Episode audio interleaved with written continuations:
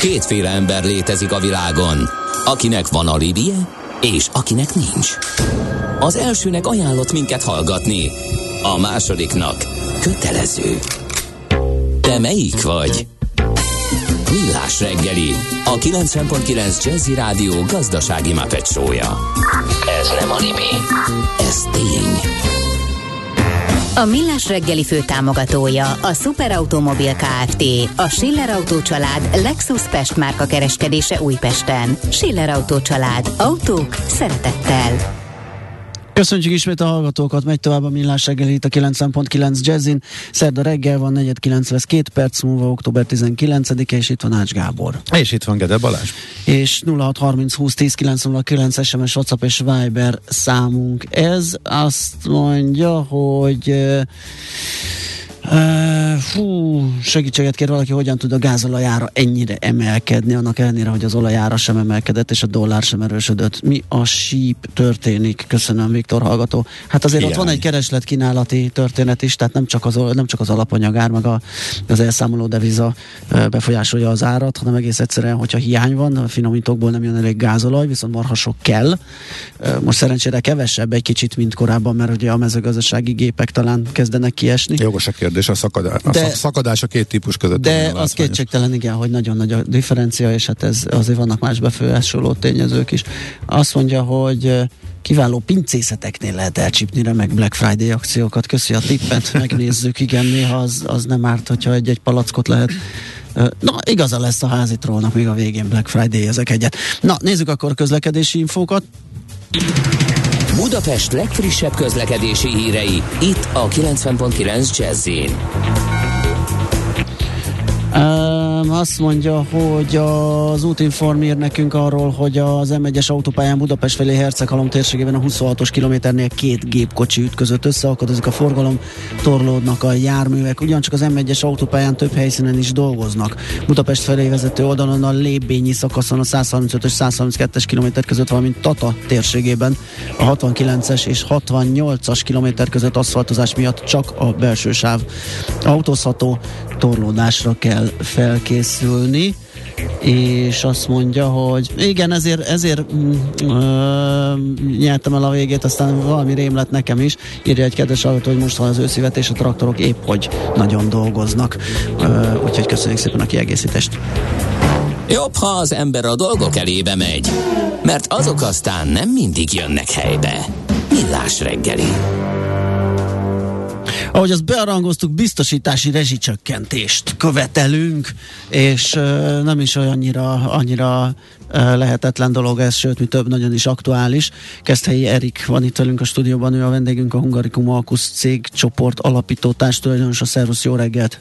Jó reggelt, üdvözlöm a hallgatókat! Hát azért a... elsőre eléggé nehezen elképzelhetőnek tűnik a brutális infláció mellett, mikor mindenki fölmegy. Logikusnak azt tűnik, hogyha valami, na, valami fölmegy, akkor az arra kötött biztosítás ára is kénytelen emelkedni, nem? Nem számol az inflációval. Na. Le kell törni az árakat. Na, Na de, de kezdjük azzal, ki? igen, hogy jön ez ki, és hogy kezdjük azzal, hogy milyen típusú biztosításai vannak a cégeknek, mert alapvetően ugye ö, róluk lesz szó. Igen, alapvetően a, a cégek, vállalkozásokról lenne szó, és ugye a vállalkozások többnyire vagyonfelelősség, kötelező kaszkó, esetleg kaszkóftotta, kötelező flottával rendelkeznek, vagy egyéb speciális biztosítások vannak a vállalatok életében a mi tapasztalataink szerint. Uh-huh. Uh, az, amit a Gábor mond, azért az egy valós dolog. Én pont most kaptam, vagy korábban az egyik autómra biztosítási ajánlatot, és hiába megyek a Malus létrán szépen fölfelé, valahogy az ár az nem köve, az mégis a bónusz, bónusz létrán? Vagy a bónusz, igen, a Malus a Sajnos másik. én indultam el a Malus irányába. Te indultál Malus igen, irányába. sajnos, igen. Tehát az ár mégis fölfelé megy, úgyhogy így tényleg elég nehéz uh, olcsóbbá tenni a biztosítást, de mégis mit lehet tenni, vagy hogyan kell hozzáfogni ilyenkor, hogy mm, hogy lehet bármilyen árelőnyt elérni a biztosítási díjainkban? Igen, bízom benne, hogy Gábor nem neked okozott kárt, nem. és nem, nem jó. Hogy hogy is lehet... Bár egyébként, bocsáss, ne felejtsd szabad, volt rá példa, hogy itt, itt mentünk össze egy kollégával a, a forgalmat alig látott mellékutcába, úgyhogy azért tudunk ilyet produkálni. Rendben, nagyon szívesen segítünk, hogyha okay. kell a jövőben segítség kárrendezésben.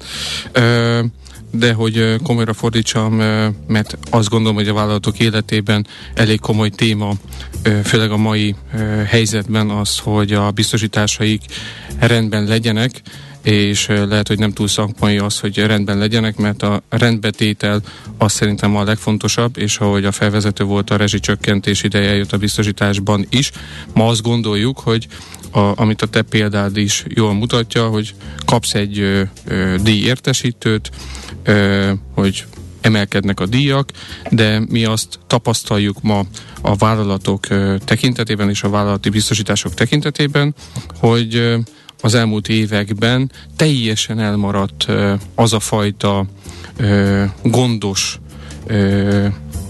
támogatás a vállalatok irányába, amit a biztosítás közvetítőknek kellett volna megtenni, hogy egy folyamatos versenyeztetés, tendereztetés által mindig a legjobb díjakat tudják megkapni a, az ügyfelek. Uh-huh. Ez az elmúlt években elmaradt, és uh, ma azt gondolom, és azt tapasztaljuk uh, itt az elmúlt uh, időszakban is, hogy uh, hogy az esetek 99%-ában van arra mód és lehetőség, hogy kedvezőbb díjakat kapjanak, és szeretném itt megjegyezni, nem azt jelenti, hogy kedvezőtlenebb vagy rosszabb feltételek mellett, hanem ugyanolyan vagy jobb feltételek mellett tudnak kedvezőbb díjat elérni ma a vállalkozások. Uh-huh, és akkor ezt úgy segítheti elő a mostani válságosabb helyzet, hogy eddig nem figyeltünk rá oda, mert jól el voltunk, most a költségkontroll, illetve a költség hatékonyság kényszere miatt jobban megnézik, hogy a meg megfelelőbbet választjuk-e, vagy jobban odafigyelünk arra, hogy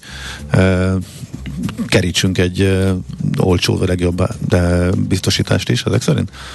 Én azt, azt gondolom, mint a cikkcsoportnak a társtulajdonosa, hogy saját magamon is azt veszem észre, hogy csak az ember lekapcsolja azt a lámpát, amikor nem használja azt a helyiséget. És ma a vállalatoknál is azt tapasztaljuk, hogy minden egyes költségre a, a, a kutatásaink is azt bizonyítják, hogy igen, odafigyelnek most a vállalatok arra, hogy, hogy akár a biztosítások tekintetében is ez, ez, ez most előjön, hiszen a költségsoron ott van, az elmúlt évek tekintetében elmaradt ennek a megfelelő versenyeztetése, a, a külsős partner akár hozzá nem értése, vagy éppen egy kényelmi funkció tekintetében, mert hogy a vállalatok többségénél, ha már nem emelkedtek a díjak az elmúlt évek tekintetében, akkor elkönyvelte azt, hogy a biztosítási soron fizet X összeget, a jövő évben is nincs emelkedés, de nincs is csökkenés, így ezt elfogadta ö, a vállalatoknak a többsége.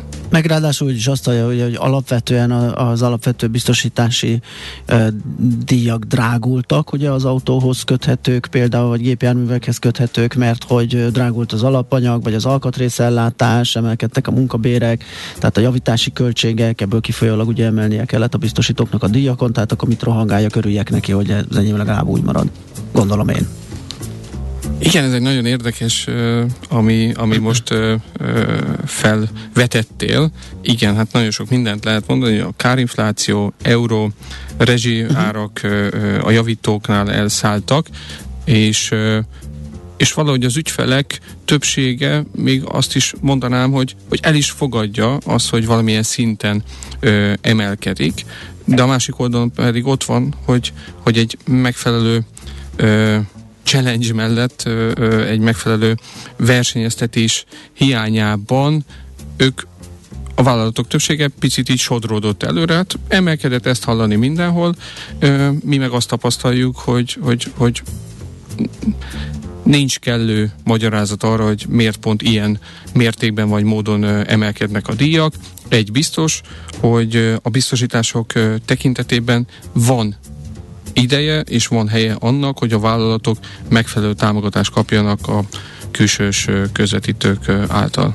Az jellemző, hogy melyik biztosításnál van a legnagyobb spórolási lehetőség? Tehát az, melyikre figyelnek a legkevésbé ö, oda cégek? A tapasztalataink alapján a vagyon és felelősségbiztosítások területén vannak a legnagyobb megtakarítási potenciálok, és ott, ott a tapasztalatunk alapján azért nagyon sok esetben nem nyúlnak ezen biztosításhoz, mert a felelősségbiztosítás adott esetben a működéshez elengedhetetlen, akár bárhova beszállító autógyarban vagy bármilyen tevékenységet fel tudnék sorolni, hogy egy felelősségbiztosítás elvárja, ahova beszállítja a termékét, ott elvárás egy felelősségbiztosítás.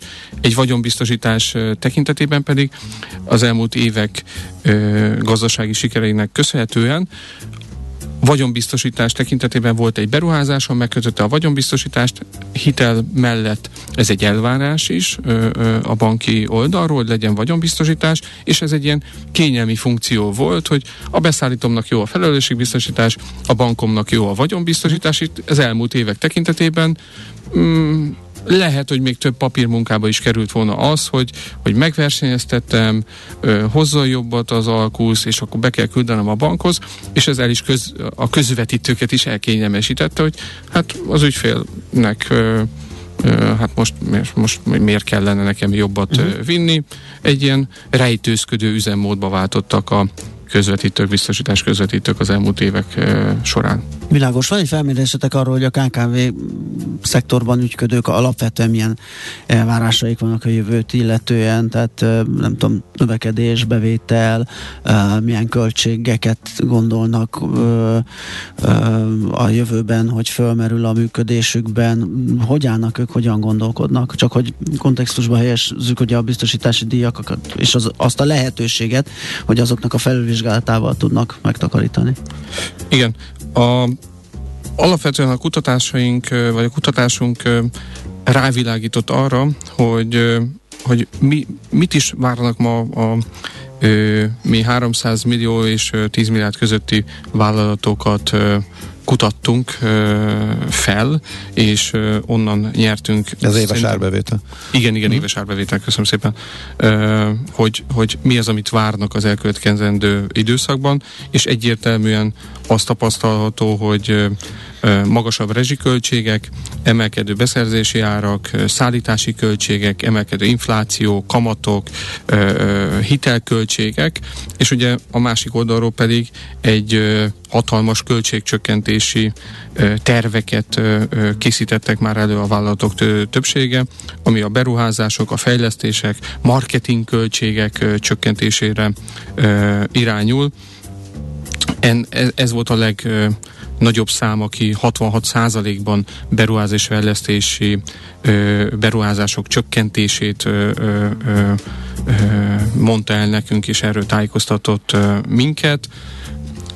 Vannak, van olyan réteg, aki emelkedő bevételre számít, nem azért, mert többet fog ö, értékesíteni, hanem a infláció és az ja, a fajta aha. rezsi ö, költségek áthárításának ö, ö, köszönhetően, de, de összességében az árbevételek ö, ö, azok a többsége azt mondta, hogy csökkenni fog az árbevétel a 2023-as év tekintetében. Uh-huh. Uh, visszatérve a biztosításokra, hogyan lehet ehhez hozzáfogni? Tehát a vállalat saját, nem tudom, pénzügyese nézi ezt át, vagy érdemes, érdemes segítséget kérni már az, a felülvizsgálatukkor is a biztosításoknak, hiszen itt ugye egyszerre fordulhat elő, hogy, hogy magasabb díjat fizet, és még plusz alulbiztosított is, akár például, hogyha itt a vagyoni biztosításokat nézzük. Igen, egészen uh, szürreális élményeink vannak uh-huh. uh, az elmúlt időszak, uh, akár mondhatnám az elmúlt évek, de, de mióta ezt a kutatást elvégeztük, és egy aktív uh, uh, ügyfélszerzési tapasztalataink is vannak. Egészen döbbenetes a, az a, a tapasztalás, nem csak nekem, hanem a kollégáimnak is, hogy minap egy az, egy, egy vállalat esetében egy 1995-ös kötvény került elő, és ők az azóta azt a, annál biztosítónál vannak, és ott fizetik ö, ö, a vállalat, megnyugodva, hogy ő neki van biztosítása, és a... Hát a, még a biztosító milyen nyugodt, hogy szépen szedi azt a díjat. Szépen szedi, és akár esemény van, akkor viszont Aha. nagyon hálás lesz a, a biztosító társaság, mert nem fog fizetni, uh-huh. mert ez egy adott vállalat esetében 42 ezer forintos négyzetméter áron van biztosítva az ingatlan, és a kollégám először csodálkozott, nem a 42 ezer forinton, hanem hogy 1995-ös kötvényt lát, hiszen egy, egy 38 éves kollégáról van szó, és hát úristen, hogy ez egy 95-ös kötvény, hát be is akarta keretezni, de, de, de hogy, hogy, hogy, hogy és elnézést, hogy, hogy ilyen viccesen adom elő, mert nem, nem vicces a, a téma, mert a, ez a alacsony négyzetméter ár tekintetében a vállalat, hogyha egy káresemény történik, ö, borzalmas helyzetbe kerül, mert semmit nem fog kapni a, uh-huh. a biztosító társaságtól.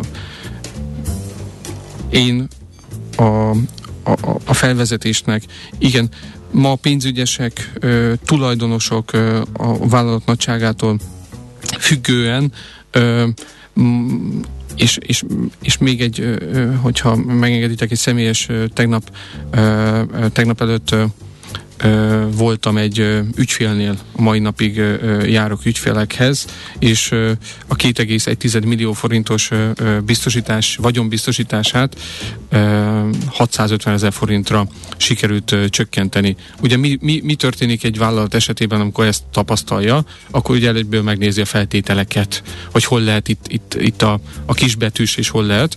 Természetesen semmilyen változás nem történt, ugyanolyan műszaki feltételek mellett sikerült majdnem, hogy harmadára levinni a, a biztosítási díjat, ami azt jelenti, hogy itt az elmúlt 8-10 év tekintetében ez elmaradt, tehát ma ott kell kezdeni a vállalatoknak a, a, a biztosítási rezsicsökkentést, hogy a, a partnerét, vagy a biztosítási ügynökét, biztosítás közvetítőjét igenis, ez egy nagyon furcsa mondat lesz, rá kell bírni arra, hogy hogy tegyen meg mindent annak érdekében, hogy költségmegtakarításokat érjen el, és tegye a biztosítási feltételeket ö, megfelelővé, hogy ez a egy adott káresemény tekintetében ne az forduljon elő, hogy a, a, az ügyfél nem kapja meg azt az összeget, amire ő uh-huh. számít egy ilyen esetben. Uh-huh. Az alkusz azért tartanak sokan, mert hogy azért korábban voltak olyan tapasztalatok, hogy nem a cég érdekében tevékenykedik, hanem jutalék Saját érdekelt. Igen, tehát ugye azt a terméket, a terméket értékesíti. Nyomja, ahol, ez most már azért megváltozott? Mert az a cég, aki ennek a nagymestere volt, hogy annak a hírében állt, ő már ugye nincs a piacon, vagy össze de, töpördött. De azért, de azért, de szétesett, de azért, de azért az agyakban úgy bennem, bennem, bennem maradt ezt még. Ezzel még találkoztok, érzitek? Hát avval a céggel már nem találkozunk, hála Istennek, és szerintem ennek nem csak én, hanem az ügyfelek is nagyon örülnek. De igen, ez, ez, ez mindig felmerül a vállalatok tekintetében, hogy, hogy az Alkusz a biztosítás közvetítő valójában kit is képvisel egy adott helyzetben, egy adott szituációban. Én meg tudom nyugtatni a, a vállalatokat, illetve meg tudom a hallgatókat is nyugtatni, hogy itt ez nem, nem arról szól, hogy ma az Alkusz azt nézi, hogy neki hol a legelőnyösebb és a legjobb jutalékot melyik biztosítónál kapja. Ezt azért is tudom megerősíteni és megnyugtatni a hallgatókat, vállalat vezetőket, tulajdonosokat, hiszen a Magyar Nemzeti Bank nagyon-nagyon nagy mértékben felügyeli azt, már évente többszöri adatszolgáltatásaink vannak a Nemzeti Bank irányában, és azt gondolom, hogy elég érzékeny is a Nemzeti Bank, hogy, hogyha egy ügyfél csak egyetlen egy ajánlatot kap, ez, ez, ez, ez, ez ilyen nincs, tehát hogy no way, tehát hogy ez, ez nem fordulhat elő ma. Ha ilyet tapasztal az ügyfél, akkor igenis el kell mondani a, a biztosítás közvetítőjének, az alkuszának, hogy ne haragudj, de hát nekem több ajánlat kell, hiszen ez a törvény előírás is, és abban pedig nem vitatkozni, hanem megerősíteni akarom a vállalatokat, illetve a hallgatókat is, hogy egy adott műszaki feltétel mellett, és itt nem szeretnék nagyon szakmailag belemenni, pontosan, hogy milyen limitek és mik tartalmaznak egy biztosítás, milyen biztosítási összeggel. Ugye az Alkus brokernek biztosítás közvetítőnek kötelessége is összehasonlítani a piacon lévőket, és az ügyfél az eseteknek 99,9%-ában a legelőnyösebbet fogja választani, hogyha ugyanolyan feltételek vannak, de ma nem tudok. Nagyon speciális biztosítások vannak ma már a szektorban, és speciális működésű vállalatok. Ott előfordulhat az, hogy egy, maximum kettő biztosító társaságnak van adott biztosítási módozata, de azért egy vagyonfelelősség tekintetében, ahol a, a, a, az ügyfeleknek a 95-96 százaléka tartozik, ott azért a biztosítóknak a 60-70-80 százaléka képes vagyonfelelősségbiztosításokra ajánlatot adni. Az a biztosítás közvetítőnek a lustasága, hogyha ő azt mondja, hogy hát három biztosító adott ajánlatot. Ez uh-huh. nem igaz. Uh-huh. Tehát ma akár egy kötelező, akár egy kaszkó tekintetében, ha csak online portálokat megvizsgálunk, egy kötelezőnél is kiad 10-12 biztosító társasághoz. Nagyon fogy az időn, két gyors kérdés a hallgatóktól, pont akkor előrehozom az online-ost, hogyha már feldobtad Igen. az online biztosítás, hogy ez, ez cégeknél működhet, mert egy hallgató azt hiányozza, hiányolja, hogy a vállalatoknak, a vállalati biztosítások, tehát ezen termékkörben nagy hiány van egy online összehasonlító oldalra, mint ami például a NetRisk. Uh, lehet-e egyáltalán, vagy annyira speciális és annyira egyedi egy-egy vállalati eset, hogy, hogy ez nem fog menni? Én azt gondolom, hogy és ez, ez nagy harcban állok a, a, az egész szakmával, hiszen e, az elkényelmesedés tekintetében ugye nem nagyon nyitott arra a szakma, hogy a, az egyszerűbb biztosítások, és itt a vállalati biztosítások tekintetében online térbe tereljük a, az ügyfeleket, ez azt gondolom, hogy elengedhetetlen lesz a jövőben. Uh-huh. És itt ö, ö, nem egy gyárról van szó, ahol speciális uh-huh. fedezetekre van szükség, de egy alap Egyszerű, vagyonbiztosítás, vala, igen. hogyha például, és elnézést talán a, a például, hogyha egy könyvelőirodát, vagy egy fodrászüzletet uh-huh. nézek, amelyik nem túl bonyolult ö, műszaki ö, feltételrendszert kell uh-huh. ott kialakítani, ezt igenis lehetne egy online platformra felterelni. Ha annyit ö, ö, ö, itt zárójelben, mi nagy mértékben dolgozunk azon, hogy ez ebben legyen változás a jövőben. Uh-huh. A másik kérdés pedig arra vonatkozott, hogy a javítási költségek valóban növekednek, de a nem károkozás ugyanúgy nem kerül semmibe, mint korábban, így elvárható lenne, hogy a kárt okozók fizessék a biztosítási díjak emelkedését, ne pedig a jó ügyfelek. Ez azért valamilyen szinten megvalósul. Én nekem még korábban volt egy ilyen nagyon apró kis vétségem, egy ilyen, egy ilyen kis karcolás egy másik autón, gyakorlatilag akkor emelkedett a kötelezőm, hogy ki, két év alatt kifizettem azt, amit a biztosító kifizetett a, a, a károsultnak. Tehát ez így helyén van, vagy azért ezen még lehetne valamit ö, csiszolni, hogy tényleg a, a, a károkozók valahol kompenzálják a kárt nem okozókat, és ez a díjakban megjelenjen? Ö, egyrészt ö, a hallgatónak köszönöm szépen a kérdést, mert ez, egy, ez, ez mindig felmerülő, uh-huh. ö, hogy hogy az adott biztosító társaság mennyire jutalmazza azt, aki nem okozott Aha, világos. kárt. Ugye, ugye a vállalati biztosítások tekintetében is ez egy hiánycikk, mert hogyha van olyan ügyfél, aki az elmúlt tíz évben nem okozott semmit, és a hétfői ügyfél, ahol személyesen én jártam, elmondta, hogy Erik, mi tíz éve nem okoztunk semmilyen kárt, egyetlen egy üvegcserénk volt, pár tízezer forintért, de mi rendesen fizetjük. Az ügyfél tíz év alatt kifizetett 22 millió forintot, és úgy érzi, hogy, hogy addig, amíg ő fizet, nem érzi azt, hogy a másik oldalról. Uh-huh. Igen, ebben is lehetne, csak hogy válaszoljak a hallgatónak. Ha ez egy kötelező és kaszkó biztosításokra beszélgetünk, abban az esetben, főleg, hogyha a retail lakossági ügyfélről van szó, és megfigyeljük azt, hogy a, a nagy halmaz tekintetében még mindig a biztosítási díjak azok Magyarországon, ha kötelező díjakat veszem lakossági szektorban, elmaradnak a nyugati díjaktól, és egy veszélyközösséget kell elképzelni a biztosítótársaságok tekintetében Szerintem ebben nem lesz változás a, a, a, a jövőben a biztosítóktól. De és a más egyéb termékeknél, mert most én ezt ragadtam ezt a példát, de tehát itt azokról a vállalati termékekről, amiről beszélünk, vagyonbiztosítás, ilyenek ez én azt gondolom, hogy annak eljött az ideje, hogy ott is legyen Aha. szakmailag változás, de addig, amíg a biztosítás közvetítők nem mozdulnak meg annak irányába, hogy az ügyfeleiknek minél jobb szolgáltatást vigyenek, addig a biztosítók miért is ajánlanák fel ezt az ügyfelek. Uh-huh. Világos. Hát nagyon köszönjük, hogy ellátogattál hozzánk. Szerintem mm, még épp jókor szóltunk így a cégeknek, hogy nézzék át a biztosításaikat, mert ott is lapulhat egy kis plusz, egy kis költség megtakarítás. Úgyhogy igen, hasznos volt. Köszönjük szépen, és szép napot neked. Köszönöm szépen. Keszei Erikkel beszélgettünk a Hungarikum Alkusz cégcsoport alapító társtulajdonosával. Hírek jönnek, aztán jövünk vissza. Aranyköpés a millás reggeliben. Mindenre van egy idézetünk. Ez megspórolja az eredeti gondolatokat. De nem mind arany, ami fényli. Lehet kedvező körülmények közt gyémánt is. Egyik születésnaposunk Litkai Gergely humorista, forgatókönyvíró az ő egyik mondását idézzük. Azt mondta egy alkalommal a rossz indulat mögött általában azért fel lehet fedezni valami célt, valami logikát, de a butaság váratlan időben, váratlan irányból támad rád, és hihetetlen nagy károkat tud okozni. Hát ez igen. Óriási. Na.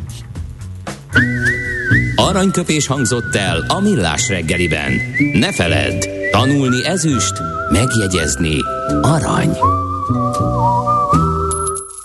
Egy jó ötlet, már fél siker. Az innováció, kreativitás hajtja a GDP-t, növeli a versenyképességet, munkahelyeket teremt. Kigondolni nehéz, eltulajdonítani azonban könnyű. A nemzeti tudásbázist és a kulturális vagyont hatékonyan kell védeni. A szellemi tulajdon kincset ér.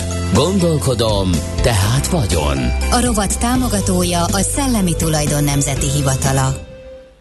Nos, hát egy izgalmas, számomra különösen érdekes dologról lesz szó. Az Európai Unió Szellemi Tulajdoni Hivatala és az Európai Szabadalmi Hivatal októberben tett közzé egy közös tanulmányt, amiben azt vizsgálja, hogy a szellemi tulajdoni jogok intenzív használata milyen mértékben járul hozzá az Európai Unió gazdasági teljesítményéhez, a foglalkoztatáshoz és az exporthoz. El nem tudom képzelni, hogy ez hogy mérhető, vagy hogy számolható, de majd segítségünkre lesz ebben Lábodi Péter, a Szellemi Tulajdon Nemzeti Hivatalának jogi elnök helyettese. Szia, jó reggelt!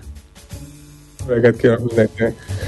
Igen, megpróbálok ebben segíteni egy, egy már maga a felvezetőből is kiderül, hogy, hogy elég bonyolultan hangzik a kérdés, de egyébként nem annyira az, bár egy robosztus tanulmányról van szó, ami jó hír nekünk, hogy ez, ez a tanulmány megint rámutat arra, hogy a szellemi tulajdonnak mekkora szerepe a versenyképességben ezeken a területeken is, illetve az is jó, hogy a Magyarország meg itt egy, egy, egy bezzeg országként jelenik meg a oh, tanulmányban. Az pedig, külön, külön jó, pedig igen. mindig külön öröm. Szóval, hogy igazából miről is van szó, maga a tanulmány azt vizsgálja, hogy a szabadalmak, védjegyek, design, ami oltalom szerezhető a szellemi tulajdon területén, szóval, hogy ezeknek a azok a cégek, akik ilyennel rendelkeznek, azok mely iparágakban tevékenykednek, ezek az iparágak ebből kifolyólag, hogyha nagy számú ilyen szabadalom, védje, egy dizájn van, akkor szerzőjogi oltalom van, akkor ezek szellemi tulajdoni szempontból intenzív ágazatoknak minősülnek, Aha. Aztán ezek az intenzív ágazatok mennyiben járulnak hozzá a GDP-hez, a foglalkoztatottsághoz európai szinten, ezt vizsgálta ez a tanulmány áttételesen. Aha, e, igen. Elég jó számokat lehetett tudni, igazából, vagy, vagy megtudni ebből. Az első érdekesség egyébként, hogy egyáltalán mik azok az ágazatok, ahol, igen. ahol egyébként ilyen intenzívnek minősülhet a, a szellemi tulajdonnak a, a jelenléte. Összesen 357 ilyet talált egyébként a tanulmány ha mondjuk a szabadalmakat nézzük, akkor ott például a kommunikációs eszközök gyártása az, ami egy kiemelkedő terület, vagy a, vagy a biotech kutatások. Maguk a számok, amiket a tanulmány mutat, az gyakorlatilag azt vizsgálja, hogy ezer fő foglalkoztatottra mekkora számú szabadalom, vagy mondjuk védjegy jut, és itt például a, a kommunikációs eszközök gyártásánál ez egy 42 szabadalmat jelent, de a védjegy intenzív területeken, például az üdítőital gyártásban, ott ezer fő foglalkoztatottra mondjuk 90 uh, ilyen védjegy uh, tehető uh, uh, állapítható meg. És hogy ezek az ágazatok mennyiben járulnak hozzá a foglalkoztatottsághoz és a GDP, az egészen magas számokat lehet találni. Úgy néz ki, hogy kb. 200 millió munkahely van az Európai Unióban, ami aktív munkahelynek kezelhető, és ebből mintegy 61 milliót, tehát gyakorlatilag azért egy elég nagy részét. Az nagy szám, az az egyharmad gyakorlatilag. Van, az egyharmadát ilyen ágazatok adják, és hogyha azt megnézzük, hogy egyébként ezek az ágazatok mennyivel járulnak hozzá más ágazatok munkahelyteremtéséhez, tehát közvetlenül ez hozzátesznek ezek az iparágokhoz, akkor még egy 20 millió fő kimutatott ez a kutatás, tehát gyakorlatilag egy 80 millió szinte majdnem a, a felét ilyen, ilyen ágazatok adják, ami azért rámutat arra is, hogy az Európai Uniónak az innováció, kreativitás terén azért még most is nagy szerepe van, még akkor is, hogyha, hogyha a geopolitikai helyzet ezt néha nehezíti, vagy pedig más globális uh-huh. szereplők is célre léptek. A GDP-ben majdnem 50%-ot ilyen ágazatok adnak, és ami még érdekes, hogy mind az Európai Unió tagállamai közti kereskedelemben, ahol, ahol mint egy, ezek kereskedelemnek mint egy három olyan termékek, szolgáltatások teszik ki, amelyek ezekből a, az iparágakból származnak. Ugyanúgy az exportban is szinte 80%-ot meghaladó az a fajta érték, amit ilyenfajta ágazatoknak a, a termékei tesznek ki. Szóval egy elég, elég komoly jelenlét van, egy elég komoly szerep van ezeknek az ágazatoknak, ami megint csak rámutat arra, hogy a szellemi tulajdon szerepelnek az oltalma mennyire számít. Gyanítom, itt a bérezés is máshogy alakul, ugye ezek ilyen nagyon tudás, nagyon szellemi intenzív iparágak, ahol nyilván sok magasan képzett ö, munkatársra van szükség, úgyhogy gyanítom, hogy jobban is keresnek ezekben a... Így van, így van. Konkrétan szinte 40%-a magasabb fizetés áll ezekben az iparágakban a foglalkoztatottaknak, úgyhogy, úgyhogy ez is egy elég szignifikáns különbség. És, és hazánk, mint mondtam is, elég, elég kiemelkedő Aha. számokat tudott felmutatni. Egyébként itt Ausztria, Csehország, Szlovákia, Észtország, aki még, aki még hasonlóan jó szerepben van, azt jelenti, hogy hazánkban kimagasló a, a GDP-hez való hozzáadott érték és a foglalkoztatottsághoz való hozzáért, hozzáadott értéke ezeknek a, az iparágaknak. És érdekes kérdés az is, hogy ez vajon miből származhat. Uh-huh és alapvetően azért az látszik, hogy azok az, azok az iparágak, amik nálunk nagyon nagy jelentőségűek, a gyógyszeripar, a gépjárműgyártás, az különböző high-tech gyártó iparágak, szóval ezekben nagy, ezek nagy szerepét vállalnak a gazdaságban, a foglalkoztatottságban, és ez, ezek ugye kiemelkedőek a szellemi tulajdon területén is, így járul hozzá azokhoz az eredményekhez, hogy tényleg az átlag, EU átlag fölötti, jóval az EU átlag átlag fölötti számokat tud hozni Magyarország, úgyhogy, úgyhogy jó érzés nézni ezeket a csártokat, tényleg, tényleg Abszolút. itt egy nagy szerep van nálunk ezeknek az iparágoknak. Még egy területet nem néztük meg, ugye, hogyha az összkibocsátáshoz ilyen nagy számban járul hozzá a szellemi tulajdonintenzív, járulnak hozzá a szellemi tulajdonintenzív uh, iparágak, akkor valószínűleg a kereskedelmet is elég szépen uh, pörgetik, tehát elég nagy arányban vannak jelen uh, ott.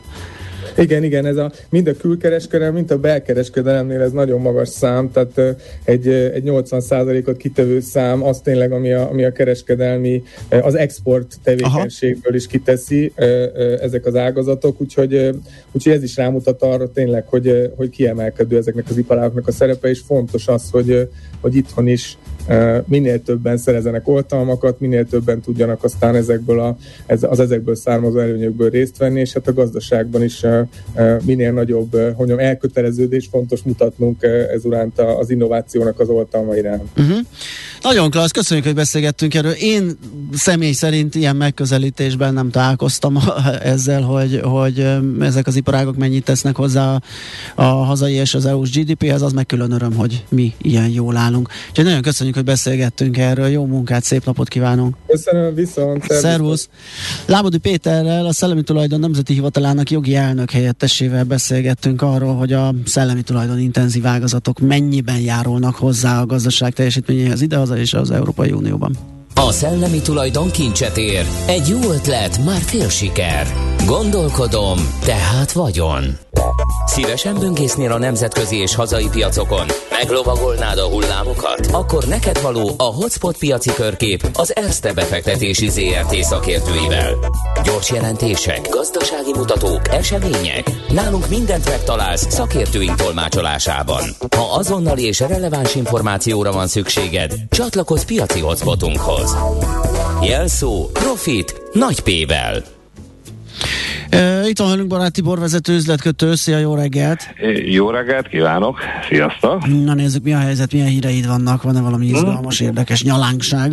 A, abszolút, hát szó szerint ugye az első az majd az lesz, hogy a Nestlé ah, az eredményét jó. hoztam. Pedig tényleg nem beszéltük meg, szóval Balázs egyszerűen ráérzett. Igen, hát így Halloween környékén szerintem a nyalánkság minden nap fölbukka. Igen. Bele, így van, belefér. Hát egyébként is érdekes ez a, cég, mert ugye sokan kérdezik, hogy ezért sok befektető próbálja megkeresni azokat a részvényeket, akik a, az inflációnak ellenállni képesek, és, és ugye értéket őriznek meg. Ugye a legtöbb cég számára ez ugye nyilván negatív ez a mostani környezet, ugye hozamszintek, ezáltal ugye dráguló beruházások, visszaeső kereslet, és hát ugye alapvetően két terület van, akinek ugye viszont az üzletmenetének ez pozitív, tegyük ugye a pénzügyi befektetések, tehát bankok, biztosítók, ugye a bankoknál a kamatmarzs növekedés miatt biztosítóknál az, hogy a befolyó est ugye magasabb hozamszinten tudják befektetni, illetőleg hát az olyan fogyasztási javaknak a